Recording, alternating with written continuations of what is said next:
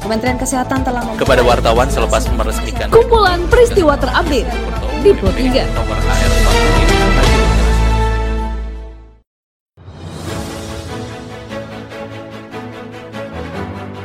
Halo pendengar, saat ini Anda sedang mendengarkan kumpulan peristiwa Pro 3.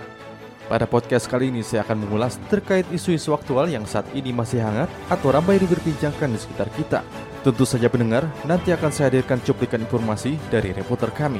Bersama saya Karisma Rizky, inilah kumpulan peristiwa Pro 3 di ruang dengan podcast Anda.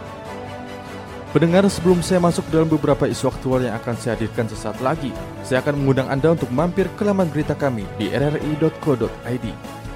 Anda juga bisa memfollow Instagram, Twitter, dan Facebook kami di @rri_programa3. Baiklah pendengar, inilah kumpulan peristiwa Pro 3. Pendengar tahun ajaran baru bagi siswa sekolah akan dimulai pada Juli mendatang. Namun sayangnya pada pelaksanaan pendaftaran peserta didik baru atau PPDB secara online di beberapa daerah masih ditemui sejumlah kendala.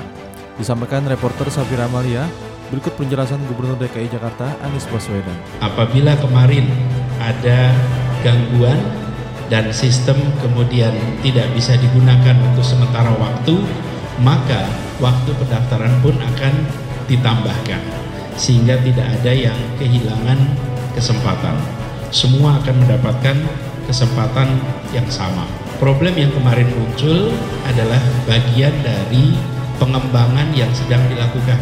Dilakukan upgrade sehingga masyarakat bisa mengisi pendaftaran, melakukan revisi, tetapi itu konsekuensinya beban menjadi lebih besar dan alhamdulillah itu sekarang sudah tertangani dengan baik. Sementara itu pendengar protokol kesehatan ketat diberlakukan pada hari pertama pembelajaran tatap muka dan ujian akhir sekolah jenjang sekolah dasar dan menengah pertama di Banjarmasin.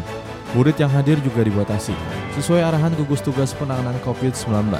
Disampaikan reporter Aulia Rahman, berikut pernyataan Kepala SDN Burung Raya 1 Banjarmasin, Harmadi.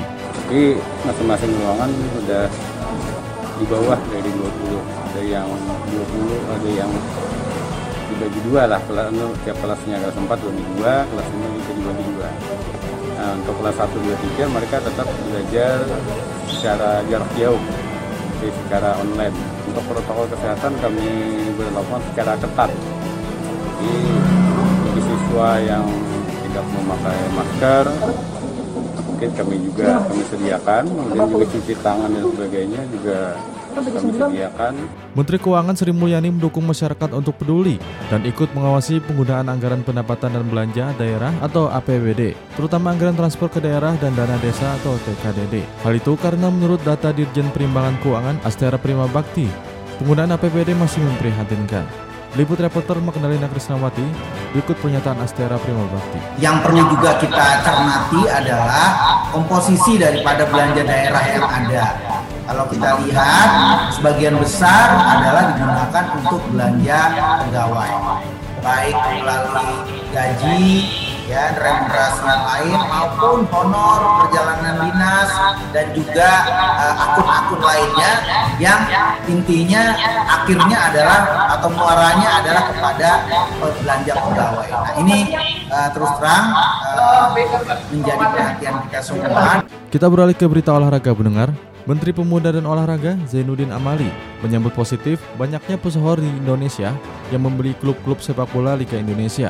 Dikabarkan reporter Agustin Irdiani berikut penjelasan Zainuddin Amali. Saya kira ada satu hal yang sangat mendasar ya yang saya lihat kenapa orang seperti Raffi Ahmad, Atta Halilintar, kemudian Gading Martin, bahkan ada Sultan Kelantan mau masuk ke sepak bola kita.